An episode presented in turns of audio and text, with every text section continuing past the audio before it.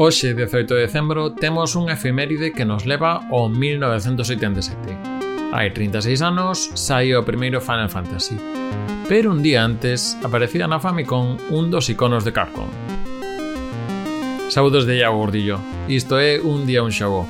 Hoxe poñemos o raxa azul porque imos falar do primeiro Mega Man.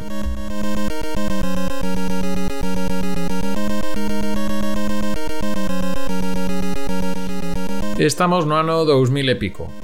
Isto é a precisión na que nos falou o xogo que estamos. Os robots conviven cos humanos para axudalos na súa vida diaria e todo isto grazas á labor de Dr. Light. Pero un día os robots aparecen fora de control, incluídos seis robots humanoides creados polo Dr. Light. Detrás de todo isto está Dr. Willy, o rival de Dr. Light. O robot asistente de Dr. Willy, Rock, ofrécese a ser convertido nun robot de combate para enfrontarse a estes seis robots humanoides e o Dr. Willy. Esta premisa do xogo. Que se o xogachedes se non vos acaba de soar de todo, non vos preocupedes, xa que isto é porque esta era a historia da versión xaponesa. Estábamos nunha época na que os textos, instruccións e contexto e historia dos xogos variaban bastante no salto do Xapón a terreos americanos e europeos, polo menos en algúns casos. De feito, ese tal Rock é o que coñecemos como Mega Man, que no Xapón era coñecido como Rokuman. A idea era a mesma, pero cambiou un pouco as relacións a autoría dos robots segundo as versións. Había distintas relacións dos autores e demais. Este xogo nace cunha Capcom que viña de ter xa uns anos de facer xogos para arcade e Mega Man é un dos seus primeiros xogos creados exclusivamente para consolas. Foi creado por un equipo de seis persoas liderado por Keiji Inafune, que tamén foi quen deseñou a personaxe e fixo a portada xaponesa. Nada que ver coa portada que saiu en Estados Unidos feita menos dun día e, e que é xa carne de meme porque é, mm, como decirlo suavemente, espantosa. É un home como bastante adulto dentro dun traxe que case máis amarelo que azul, en fin, moi ridículo todo. De feito, en parte botaron a culpa a esta portada de que o xogo tivese malas ventas en Estados Unidos. Polo menos podemos dicir, polo menos opino que Mega Man pode que sexa un máis chulo que Rockman. Aí vou, voulle lo dar.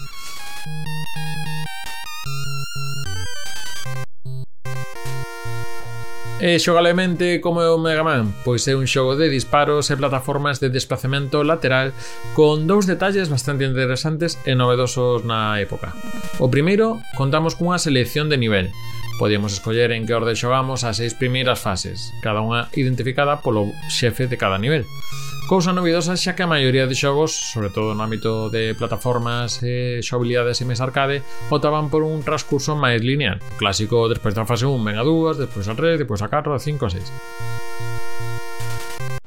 A isto sumaselle que, ao derrotar cada xefe, collíamos a arma deste, de forma que lle copiamos o ataque que empregaba contra nós. Isto, que estaba pouco visto na época, acabou tendo o nome de Megamaning, pero estaríamos a falar basicamente de copiar poderes, algo no estilo do que fai, por exemplo, Kirby no Super Smash Bros. ou o concepto que temos da magia azul nos Final Fantasy. Volvendo aos xefes do Mega Man, cada un deles era débil a algunha das outras armas, así que habería que dar coa ruta máis eficiente para pasar o xogo, na que unha vez eh, pasados estes seis niveis de orde ao noso gusto, pois xa nos metíamos no castelo de Willy, onde dunha maneira máis lineal teríamos que enfrontarnos outra vez a todos os robots, máis bosses e finalmente contra o Dr. Willy. E xa vos digo que non é tarefa nada fácil e bendito poder salvar partidas e rebobinar nas versións actuais, porque a dificultade do xogo na NES era algo demasiado. Seguramente dará para analizar outro momento, pero canto de influencia pode que tuviesen as recreativas na dificultade que chegaban nalgún xogo, sobre todo na xeración de 8-bit e tamén nos comezos do 16-bit. Un pouco un mecanismo para alongar a vía do xogo.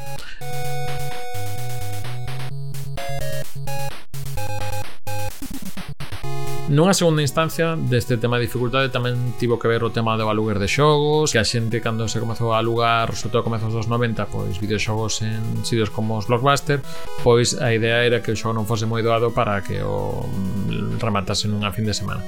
Entón hai casos casos de xogos cunha dificultade máis fácil en Xapón que cando chegaron a Estados Unidos pois estaban moito máis difíciles en algún momento incluso mm, sendo ridiculamente máis difíciles cousa que tamén nos versións afectou aquí en Europa, xa que chegaban esas versións. Pero non é o caso do Mega Man. O Mega Man é, é difícil, xogos son dos xogs.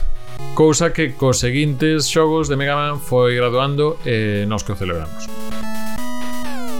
O apartado visual do Mega Man era correcto para a época, un deseño con ollos de inimigos que deixase sabor xaponés no estilo, e que corría de forma correcta na NES. Ainda que aparece esa cousa que vai a tamén máis xogos da época que é ese desplazamento compartimentado é unha cousa que agora se sigue usando, por exemplo, moito nos Metroidvania pero creo que nesta época está máis relacionada cas limitacións da consola para poder facer un desplazamento, sobre todo no que ven sendo no eixo vertical. En horizontal sí que teñamos máis exemplos como pode ser o clásico Super Mario.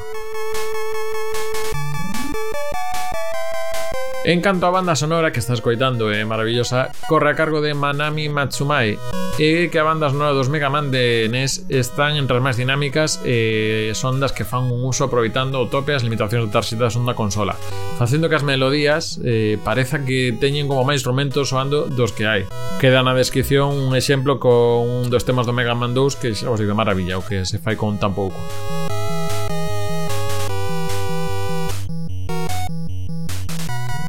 Mega Man 1 contou coa súa primeira revisión na Mega Drive dentro dun remake que incluía Mega Man 2 e Mega Man 3, coñecido como Mega Man de Willy Wars.